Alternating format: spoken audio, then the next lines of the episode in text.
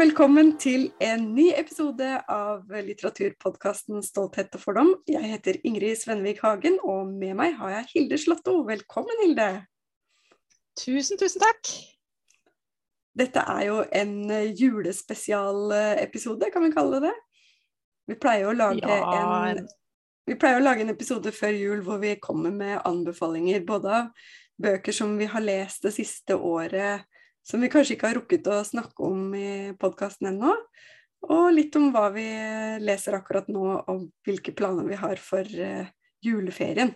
For det er jo noe av det morsomste jeg vet, i hvert fall, er å ta med en svær bunke med bøker hjem til jul. Får lest? Ikke, jeg får jo ikke Jeg får ikke lest så mye, men jeg får ikke så mye jul, altså bøker i julegave heller. Nei, kanskje du får en. Ah. Ah. jeg sørger liksom for at alle elevene mine får uh, forundringspakker uh, før jul med masse bøker, så de er sikre på å få en hard pakke til jul. Mens det er litt mer usikker for min del. Men nå men kjente jeg at håpet ble tent. Ja, ja. hmm. Spennende. Ja, jeg har alltid ja, Nå har jeg rigga meg til å lage en svær bunke, men jeg veit jo at jeg får ikke lest så mye som jeg alltid ønsker, da. Men noe skal leses. Jeg har bestemt meg for. Mm. Men hvis vi starter i den andre enden, da.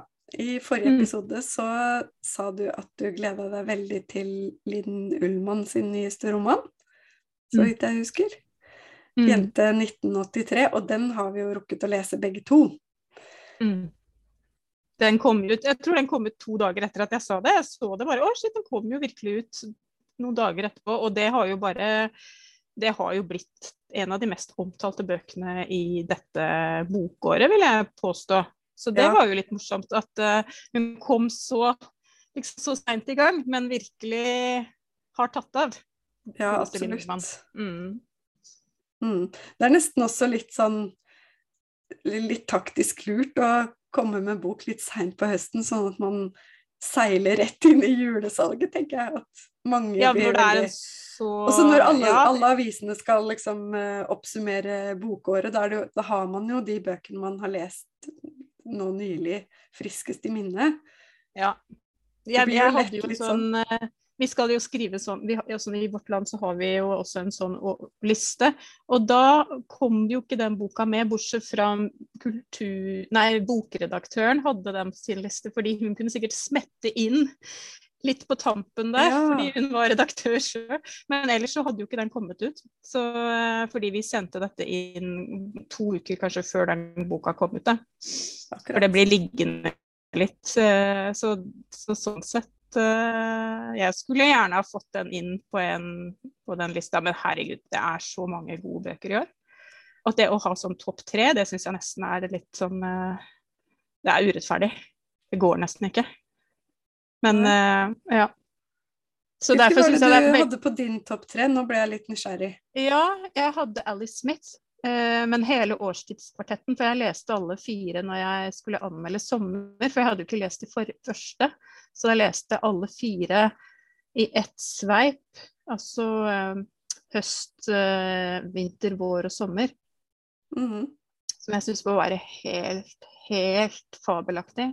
Og jeg leste det også i en veldig spesielt tidspunkt. Jeg, jeg tok med meg Jeg fikk vite at pappaen min lå for døden. Så sto jeg foran bokhylla og kjente at jeg må ha en bok. Jeg må ha en bok med meg. Jeg må ha den i veska mi, liksom. Som en mm. sånn Jeg vet ikke, som en slags trygghet. Ja. Og så sto jeg med hva, Ja, en trøst. Og så sto jeg med hva skal jeg ta med, da? Og ble, hva søren skal man ta med? Og så hadde jeg ikke lest den Jeg hadde ikke lest høst. Eh, så jeg tok med høst. Og så den natta vi satt eh, Vi bytta på å sitte hos pappa den natta han, han døde den dagen etter, da. Så begynte jeg å lese. Og vet du hva, jeg var slått i bakken, for det handler om en gammel, gammel De første sidene handler om en gammel mann som blir skylt opp på en strand. Eh, og sånn jeg leste det, så er det jo en han, er, han dør og skylles opp på denne stranda nesten som en sånn Som en fotball, på en måte. Han er bare en slags vesen, på en måte, som Mm. skylles i land. Og dette leste jeg i et mørkt rom med bare en enslig lampe og holdt pappa i hånda. Det var så sterkt. Oi. Det Det høres jo helt overveldende ut. helt Men samtidig så var det akkurat som jeg også hadde en annen hånd å holde i, da. En mm. som holdt meg, på en måte, når jeg hadde den boka. Så det var utrolig sterkt. Jeg merker at hjertet mitt dunker når jeg snakker om det. Mm. Eh, det var veldig, veldig sterkt. Og um, de bøkene er helt fenomenale. Altså, de er så smarte og morsomme og fantasifulle og full av alt det som skjer nå. Hun på en måte benevner alt det som foregår akkurat nå. Brexit, pandemi, eh, flyktningestrøm. Og så blander hun det inn med sånn sprelskt eh, overskudd. Eh, og blander inn Shakespeare og alle mulige kunstarter og fotografer man aldri har hørt om, som hun plutselig legger fram som en sånn gave, nærmest. Man får liksom være med på å åpne alle disse kunstneriske gavene som hun legger fram, fordi hun har så veldig formidlingsglede da, i å formidle veldig mange forskjellige typer kunst. altså fotografi og billedkunstnere, alle mulige. Både kjempekjente og helt ukjente, eh, som hun blander inn i det universet som hun skriver frem. Da. Helt eh, enestående, den årstidskvartetten. Så den var på den lista. Og så var det Rød selvbiografi av Ann Carson, som Mhm. også var en veldig sterk leseropplevelse. Eh, nesten umulig å snakke om, fordi den er så vanskelig, men samtidig Den er sånn grensesprengende. Um, Ja, for der er det også litt sånn sjangeroverskridelser, er det ikke det? At det, hva Ja, det, står oppført som diktroman eller noe sånt? den det kalles en versroman. Mm. Jeg har aldri vært borti en versroman, så jeg føler at det er kanskje første i sin eh, Jeg vet ikke. Det, den er jo bare helt eh, Med en gang jeg åpna den, jeg skulle anmelde den, og jeg satt på toget og masse folk rundt meg, og det er veldig liten skrift i den boka. Ja. Så, og så bare Ja, OK, nå skal jeg Jeg måtte liksom manne meg opp til å liksom Forstår jeg dette? Kommer jeg til å forstå det? Mm. Eh, utrolig fremmed eh, landskap, og samtidig veldig lekent. Sam, litt samme som Alice Smith. Eh, det er veldig vanskelig å gjenfortelle, men det er en grunnfortelling i denne mylderet av alle mulige sjangere som hun blander inn. Da hun blander jo inn et fiktivt intervju med en gresk dikter fra sant, 700 år før Kristus, sammen med essay, altså alle mulige formater. Da. Eh, Men inni denne boka så er det en fortelling om en gutt som heter Geronimus. Må ikke jeg si det feil? For nå er det så lenge siden. Gerion. Han heter Gerion og er et lite monster med vinger. Altså, nei, det er reelt, han har vinger. Men han er også en tenåringsgutt som føler seg monstrøs. Så hun blander okay. på en måte både den derre altså, metaforen og det reelle, da. Ja. Så blir, er det ja, om en gutt som blir veldig, veldig forelska i en, eh, en annen ung mann. Og så har det en veldig, veldig sterk sånn sorghistorie. Han blir forlatt. Eh, og hvor utrolig ødeleggende, men også frigjørende det kan være det å bli forlatt da når du er ung. At det liksom endrer deg som menneske, rett og slett. Mm. Men det er jo bare en, det er jo en bitte knøtteliten bit av et sånt enormt hele. Da. Den, eh, den boka er jo ekstremt kompakt og ja. Det er jo, den ble jo skrevet i 1998. Å ja, det visste jeg ikke. er- Så så det er er på en oversatt måte nå? slags Den er først oversatt nå. Helt, helt vidunderlig oversatt av Tone Hødnebø, som jo er både poet og oversetter. Og så var det 'Ekko' av eh, Lena Lindgren, som er jo da en uh, sakprosabok som er bare helt fabelaktig. Det var et eh, godt uh, utvalg, Hilde. Men Ja. nå snakka vi oss helt bort fra Linn Ullmann, Ja, som vet var det, utgangspunktet for det vi egentlig skulle snakke om. Så da kan vi kanskje snakke om noen av disse bøkene. Ja, ja, men da ble det en slags ekstra bonus, for jeg var egentlig litt nysgjerrig på den lista di. Eh, Men jeg ble ikke veldig overraska, for jeg skjønner jo dette her. Det har vært eh, sterke leseopplevelser gjennom året. Ja. Eh, Men hvis vi tar og går tilbake til 'Jente 1983' av Linn Ullmann, da, så er Mm. jo det en bok som føyer seg inn i rekken av gode romaner som vi har lest fra andre forfattere i år, sånn som 'Samtykke'. Ja, det var den jeg kom på først i farten, men vi har vært innom flere. Ja, i hvert fall. Jeg syns i hvert fall den, den har veldig slektskap med mange av bøkene vi har snakka om før. Kanskje ikke dette året, men vi har jo snakka om Annie Ernaux f.eks. Ja, der er det jo helt klare referanser. Hun, hun skriver vel til og med er Hun nå nevner inn jo- i Hun nevner henne i uh, romanen. Mm. Og det likte jeg så innmari godt, for jeg er veldig begeistra for henne nå. Og jeg Mm. synes det var Altså, noe av det som jeg liker best med Lindemann, er at hun er en sånn internasjonal forfatter. Hun Mm. har hele verden som sin tumleplass, i hvert fall New York, Paris og Oslo, og det er jo mer enn nok eh, akkurat Det er altså, et hellig, bare sånn- triangel. ja, det er bare helt fantastisk. Og jeg, jeg kjenner liksom hele pulsen, da. Eh, Mm. Jeg syns det er så gøy å lese en forfatter som er så verdensvant, hvis du skjønner. Som Ja, er bringer inn et nytt perspektiv til den norske Oslo-virkeligheten. Eh, fordi hun skriver jo fra, fra Torshov, hun går tur Mm. med hunden sin.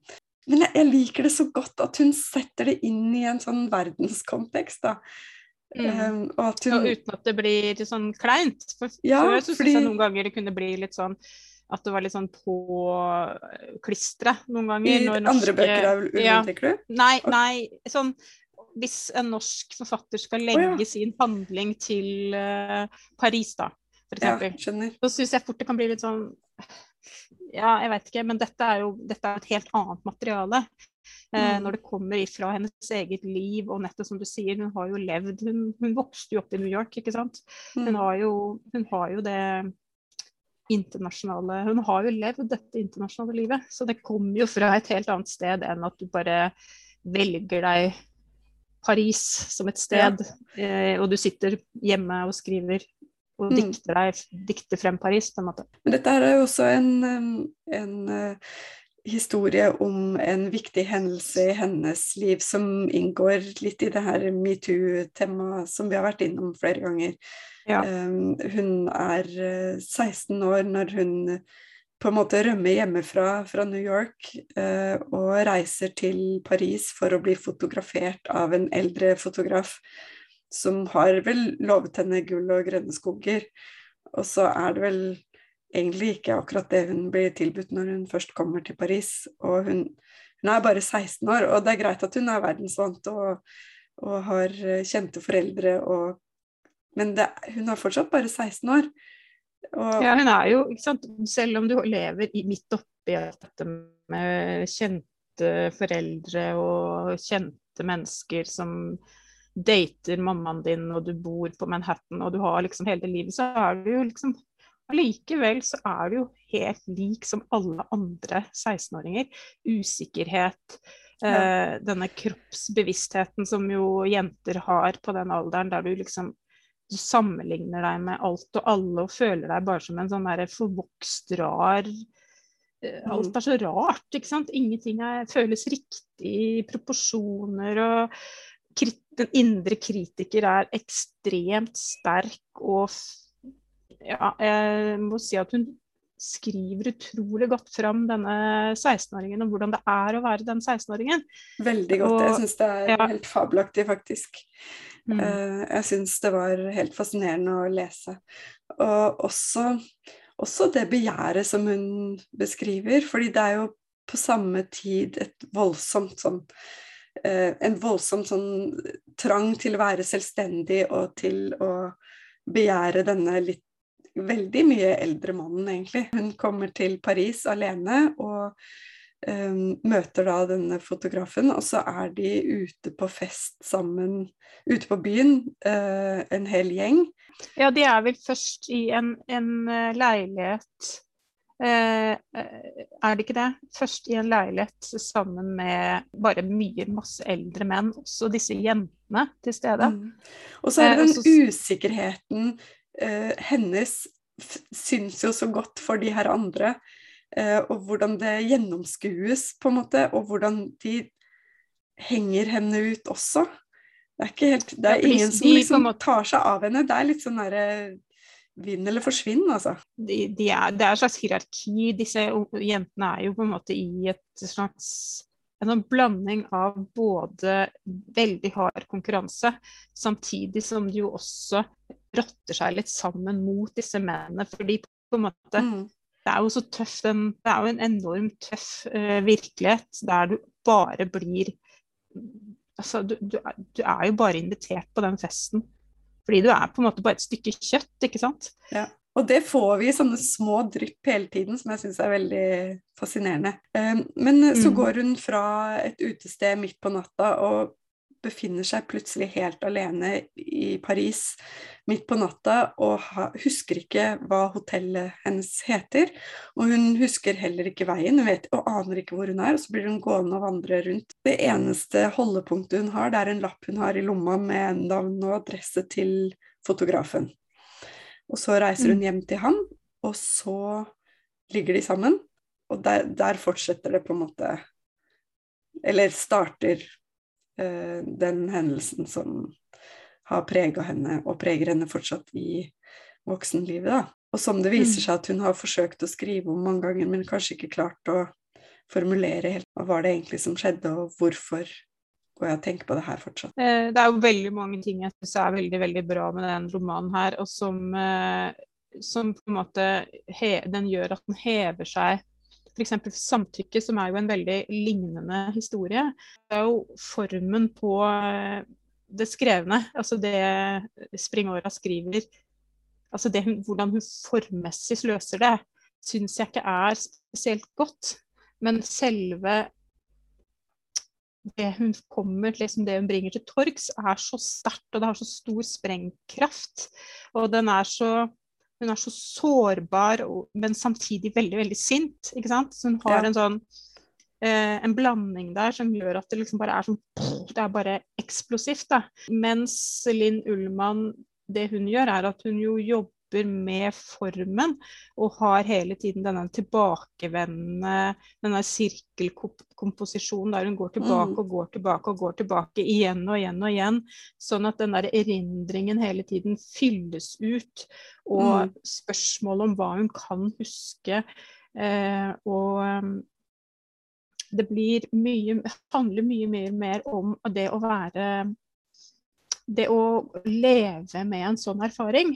Men mm. springåra syns jeg toucha borti hvordan er det å leve med denne erfaringen. Jeg husker jeg sa det da vi snakka om det, at jeg hadde liksom savna litt mer å få vite hvordan har det egentlig eh, denne angsten som setter seg. ikke sant? Det som setter seg i kroppen, det som setter seg i hvordan, hvordan man tenker, hva man føler.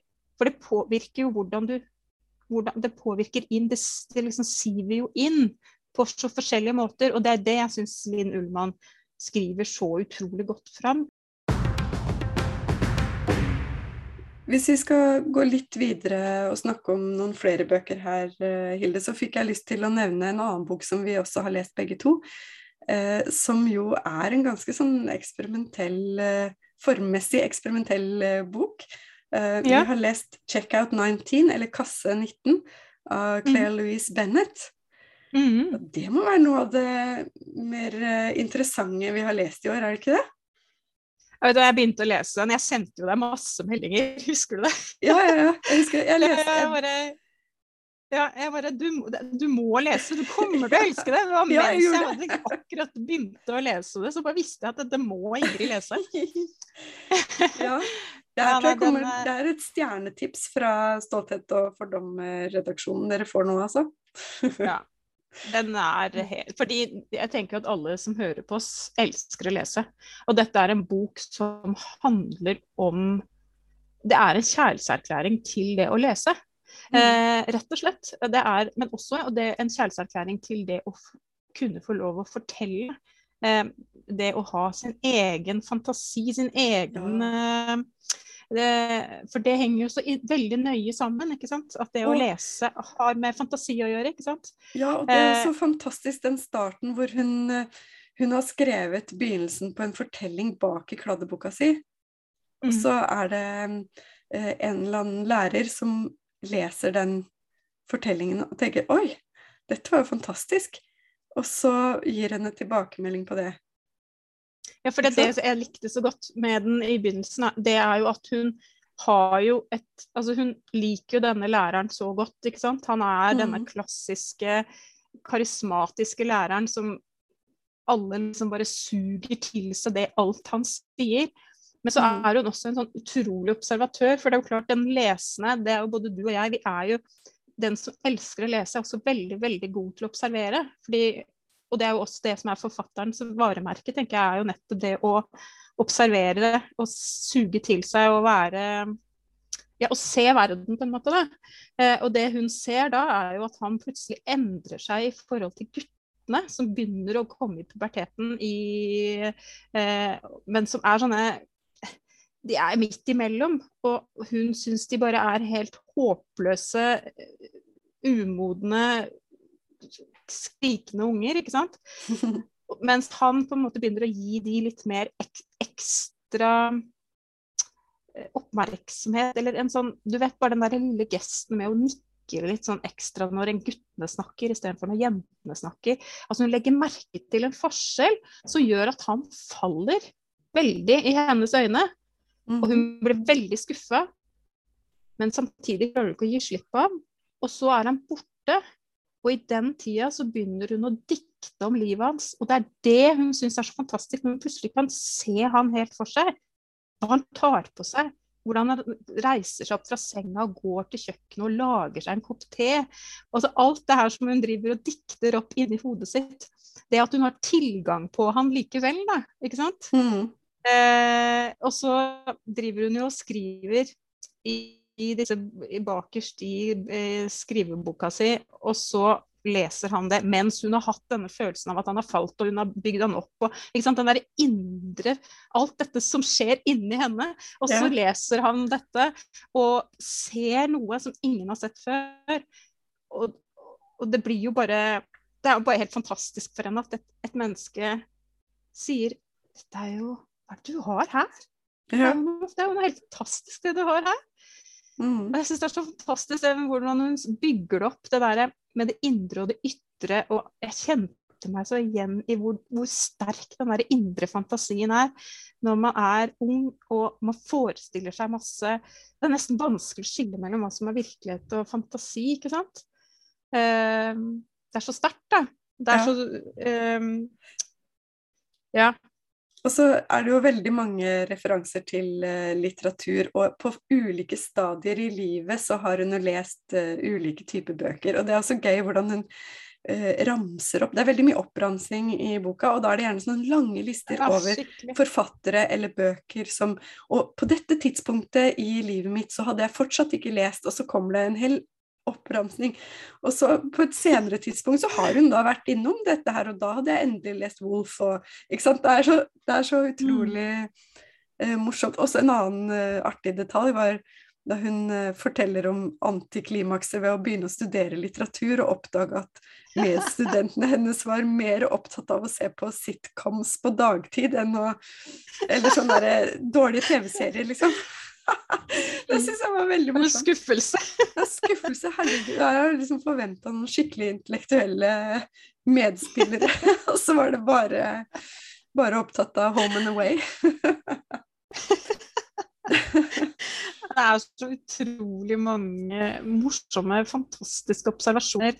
Og så blander hun det inn med sånn egne fortellinger som hun plutselig skriver inn, som jo er helt klart bare dikta opp. og jeg følte på en måte at jeg leste en memoar.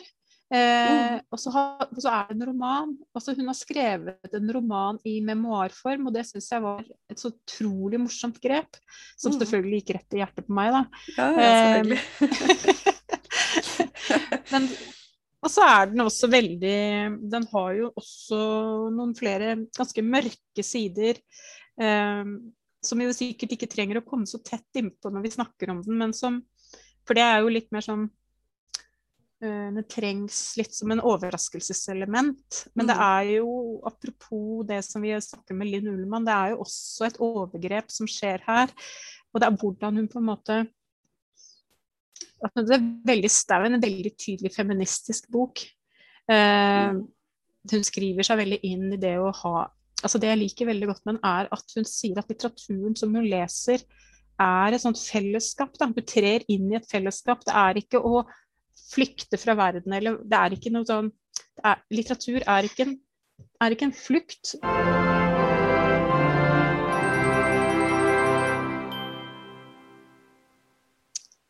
Hilde, har du ja. en uh, bok du har lyst til å snakke om som du ikke har rukket å trekke fram hittil i år?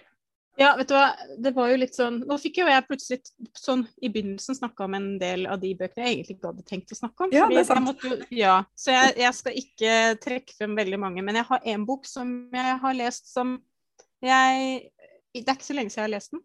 Eh, og som eh, Ja, den må jeg si jeg ble ganske Hva skal jeg si? Det var en heftig leseopplevelse. Det var som å være i en sånn uh, slags mareritt. Det er Kirsten Thorup. Eh, stor nestor i dansk litteratur.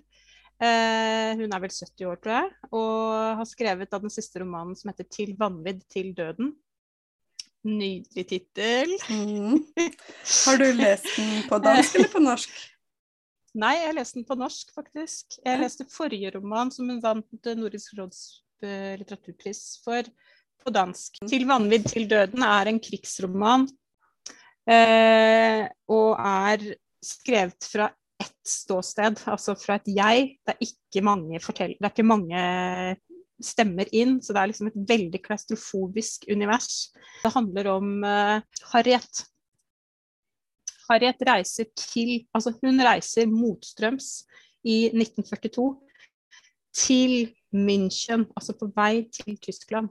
Alle vil jo ut, ikke sant. Ja. Men hun reiser inn. Hun har fått reisetillatelse eh, og skal besøke et vennepar som hun ikke kjenner veldig godt. Hennes mann har omkommet. Han har da verva seg til den tyske siden. De er danske. Mm. Eh, mm. Han har da kjempa i Finland mot kommunistene. Så det er veldig, ganske sånn komplekst.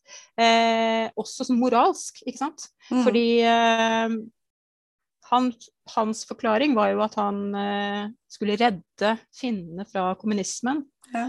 Eh, så han på en måte forkasta litt alt det tyskerne sto for, men tok til seg at de ville kjempe for friheten i Finland. Sånn at det, dette med å ta inn hva tyskerne egentlig står for, det har på en måte dette paret egentlig ikke gjort fullt og helt. De har på en måte sjalta ut det de liker, og, og, eller tatt til seg det de på en måte liker og står for, og så har de tatt vekk og fortrengt ganske mye av det som egentlig foregår. Sånn at hun da møter eh, eh, Har hatt eh, dette, et tysk par på besøk hos seg da tidligere, før krigen bryter helt ut. Eh, og så inviterer de henne til å komme til seg når hun nå har blitt enke. Det starter med at eh, Harriet står i, som sild i tønne i, en, uh, i, et tog som kjører nedover i Tyskland. Og med en gang når jeg leste de første sidene, så trodde jeg jo at det var en transport av jøder. Fordi det er mm. så jævlig det de står i, og de har stått i, som sild i tønne i flere døgn. Folk står og sover, noen besvimer, doen er fylt til randen med dritt. Det er så stint, og det er lukter, og det er svette, og det er ull mot huden som gnisser. og Det er, liksom, det er så beskrevet så utrolig intenst. Så de første sidene så tenkte jeg ja, men jeg skjønner ikke helt. Hva slags folk er det her? Og, og så er det vanlige folk som er på vei i Som kjører da et vanlig passasjertog, men under veldig, veldig spesielle omstendigheter, da, som er Tyskland 1942. Da er jo ingenting normalt, ikke sant. Sånn at hun reiser nedover og har forlatt sine to bitte små barn på et barnehjem. Fordi hun på en måte sier til seg selv at 'jeg trenger dette'. Jeg trenger å reise ned. Jeg trenger å forstå. Jeg trenger å forstå hvorfor han har gjort det. Eh, at hun vil komme nærmere mannen sin. Hun er helt, helt Hun er helt uh, fullstendig uh, Hva skal jeg si? Sorgen er liksom så ekstremt lammende, da. Hun klarer ikke å tenke klart. Så hun reiser og blir, kommer til München, og der er det jo ingen som venter på henne. Hun har jo tenkt at det står noen og venter på henne på stasjonen. Men det gjør det selvfølgelig ingen. ingen som vet at hun kommer, for det har jo ikke kommet fram det brevet om at hun skriver at jeg skal komme. Så hun må på en måte liksom virkelig Det er sånn overlevelse fra, fra første side, da. Men på en veldig sånn spesiell måte, fordi det er på en måte ikke en hun er jo ingen helt, ikke sant. Og så kommer hun fram til denne fantastiske villaen som ligger omkranset av andre villaer. Men det er også en sånn Det er en så forferdelig stemning i den romanen. Oh. Det er så mørkt, og det er så groteskt. Det, den, Spiller hele handlingen seg i eh, München, eller er det Alt foregår i München, og okay. alt foregår inn Ja, vi får, vi får, sett at hun reiser, og hun ankommer Danmark, så vi får en bitte liten flik av Danmark mm. eh, på slutten. Men den, storparten handler om dette livet inne i denne villaen, sammen med da en eh, denne venninnen som hun ikke kjenner spesielt godt. Og da denne mannen som er ute på oppdrag, som er høyt, høyt oppe i det nazistiske regimet. Eh, det som på en måte er, det som er så interessant med den romanen, er at hun klarer så utrolig godt å vise den derre forvridde virkeligheten. Altså, man må jo se virkeligheten fra et visst sted ikke sant? for å forsvare mm. alt det som foregår. Og det å lukke øynene og det å si at det er helt rett. Og, Da må du jo ha et type verdensbilde. Og det å få et sånn skikkelig dypdykk inn i det, det verdensbildet, for hun har gjort masse research. Er, mm. Jeg tror det er ganske så korrekt gjengitt. Da. Veldig mye av både de festene og alt det som foregår. Mm. Det, er det, det, er det. Og at, at du har jo disse menneskene som som er, lever i det huset, som er sånn undermennesker, ikke sant. Som bare blir bytta ut, bytta ut, bytta ut. Det er, det er så mørkt, men det er så interessant. Fordi hun Det er en sånn gryende forståelse i Harriet. Hun kommer jo på en måte tror at alt er helt riktig. Altså det som foregår i Tyskland, er helt riktig. Eh, og så bare skjer det en sånn Og det er en sånn det, synes, det hun klarer, Kirsten Thorup, er hvordan hun snur altså den der indre moralske kompasset til Harriet blir skrudd utrolig sakte rundt. Men vi begynner å forstå hvordan hun liksom mer og mer ser verden med et blikk som ligner mer på hvordan vi ser det. da, ikke sant? At uh, folk blir uh, ja, altså at det, er, det, skjer rett foran øynene på henne. da. Uh, og det å på en måte begynne å forstå at det, det kan jo ikke være riktig. Nei, det, det høres jo helt uh, utrolig bra skrevet ut. Ja, den er, ja. Den er utrolig intens. Uh, og uh, veldig, veldig interessant. Og veldig sånn dramatisk. Veldig dramatisk. Jeg får alltid så lyst til å lese de bøkene du anbefaler. Faen her nå. Så nå har jeg en til jeg ønsker meg. Nei, dette her har jeg ikke tid til. Men du Hilde, jeg har eh, også lest en, eh, en eh, veldig fascinerende bok som handler om en historisk person. Det er ikke en historisk roman, men det er en historisk tegneserieroman. Ja. Og det er en av de leseopplevelsene som har overraska meg mest i år. Fordi i høstferien så tok jeg med meg tegneserien om Calamity Jane. Eh, som er en skikkelse fra Det ville Vesten som er veldig myteomspunnet, og som dukker opp i de utroligste westernhistoriene. Og som jeg egentlig ikke hadde noe forhold til før den tegneserien kom meg i hende i høst. Og jeg ble altså så overraska over at jeg skulle la meg rive med av en historie om Det ville vesten. Ja. altså, hallo, hvor kom det fra? Så ikke det komme. Jeg har ikke lest noe Morgan Kane, det burde jeg sikkert ha gjort. Men, uh, og der er hun også en bikarakter, visstnok. Uh, ja. Så jeg føler meg litt sånn på gyngende grunn her nå når jeg uttaler meg om Calamity Jane, fordi at det er så mange som har et veldig nært forhold til denne dama. Hun... Jeg har ikke det. Kan ikke du forklare litt uh, jo, nå skal du høre. Uh, hun Jeg må bare huske ordentlig hva hun uh, Skal vi se, hun heter egentlig Martha Jane Cannery. Cannery? Håper jeg sier det riktig. Um, og hun vokste opp i en mormonerfamilie uh, med fem barn. Og da hun var veldig ung, hun var den eldste, tror jeg, i søskenflokken, og da hun var kanskje 15 år, så dør både moren og faren etter, innen et år er gått, liksom.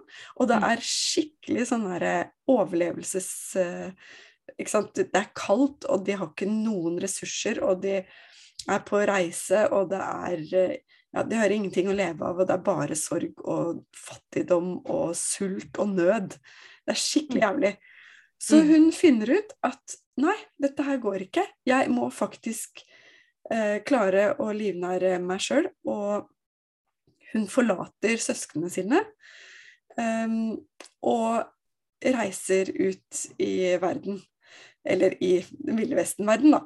Uh, og det er liksom et liv fullt av de villeste historier. Alt fra at hun um, tar på seg ulike jobber, at hun Og for å jobbe så måtte hun selvfølgelig kle seg opp i manneklær for å få penger. Uh, så hun, hun kutter av seg hår og tar på seg bukser og, og, er jo en skikkelig tøffing. altså Hun er ordentlig badass, dritkul og et steintøff. og det er liksom Hun bare skyter seg ut av uh, ulike farlige situasjoner og ja, nei, det er så spennende. Og så tror jeg at de tegneserieskapene her har klart å skrive så nært opp til biografien hennes som mulig. For, nettopp fordi at det er så mange myter om henne, så er det også veldig mye referanser til kilder eh, mm. i teksten, sånn at du skal vite at dette her er eh, Dette her skjedde faktisk, og at det ikke bare er sånn eh, tøffas eh, Enda en del av myte, det ja. myteomspunne. Ja. Det er så spennende. En utrolig tøff uh, ja, hva skal man si, eh, selvstendig dame som var nødt til å slå hardt eh, fra seg. Eh, og det er fyll og spetakkel og slåssing og Deadwood og alle de her referansene som man vet om, og hvordan de Det er jo helt fascinerende at hun ble født i 1852. Ja, for det skal jeg til å si. Ja, ja. Hun levde fra 1852 til 1903. Og det er et veldig kort og intenst liv, hvor hun mm. rakk utrolig mye. Og så er det liksom Når du tenker på det fra vår tid, da, hvor mye som har skjedd siden 1903, mm. hvor stor utbygging som har skjedd av uh, utbygging av USA, alle de storbyene som har liksom poppa opp på, på, 120 år, det er jo ingenting. Mm. Er ingenting. Um, og det er dypt fascinerende når man leser denne historien her. Det er jernbanebygging, og det er forferdelig behandling av uh, Native Americans. Det er liksom De skyter bøfler fra toget. Altså, det er helt sånn vilt hvordan de herja i uh, Nord-Amerika. Og ødela, ja, bygd, og ødela for jo, indianerne, rett og slett. Ja. Det er jo bygd på Det er jo et land bygd av blod. Ja, det kommer veldig godt fram i denne boka her. For det er jo mm. skikkelig lovløst, og det er noen ordentlige sånne skumle typer i, i, um, i Det ville vesten. da. Alle som skulle prøve å skape seg et nytt liv. Og det er ikke noe kjære mor der, altså. Nei. Det er hårda bud. Men dette her var en utrolig overraskende god leseopplevelse som jeg ble bare helt oppslukt av. Jeg leste den i høstferien, som sagt, og det var så spennende. Så den vil jeg anbefale. Den er fra 2017, så den er ikke helt uh, ny. Men uh, utrolig spennende. Eh, da tror jeg vi skal avrunde juleepisoden vår. Hilde, nå har vi jo klart å skravle veldig lenge. så det blir spennende dette her. Nå skal du klare å Det tar jeg på strak arm. Tusen takk arm. for praten. Det var gøy. Men det er jo en artig nyhet vi ikke har snakka om, som vi må avsløre. Ja. Ja. Det er jo den gledelige nyheten som kom uh, uh, her 15.12. om at Elvebakken videregående skoles skolebibliotek er nominert til Årets bibliotek 2021. Og hvor et av punktene var at jeg lager podkast! Og jeg bare wow, Hilde! Så du, litt, du, kan ta litt av æren for dette. For ja, ja det, det, gjør jeg glatt. Jeg tar litt, en liten, liten ære. Det er så kult. Det er, ja, det er så gøy. kult. Jeg syns det er veldig gøy at uh, skolebibliotek blir uh, trukket fram og lagt merke til. Og mm. jeg håper jo også at dette her uh, kan bidra til at folk blir inspirert rundt omkring i landet til å drive god litteraturformidling til ungdom, som vi to begge driver med. Mm, det er viktig. Det er en god avslutning. Det er en veldig, veldig bra avslutning. Ja. Ok, god jul, Hilde. God jul, Ingrid. Og tusen takk til alle som uh, hørte på. Jeg ønsker dere en riktig, riktig fin julefeiring. Ha det! Ha det bra!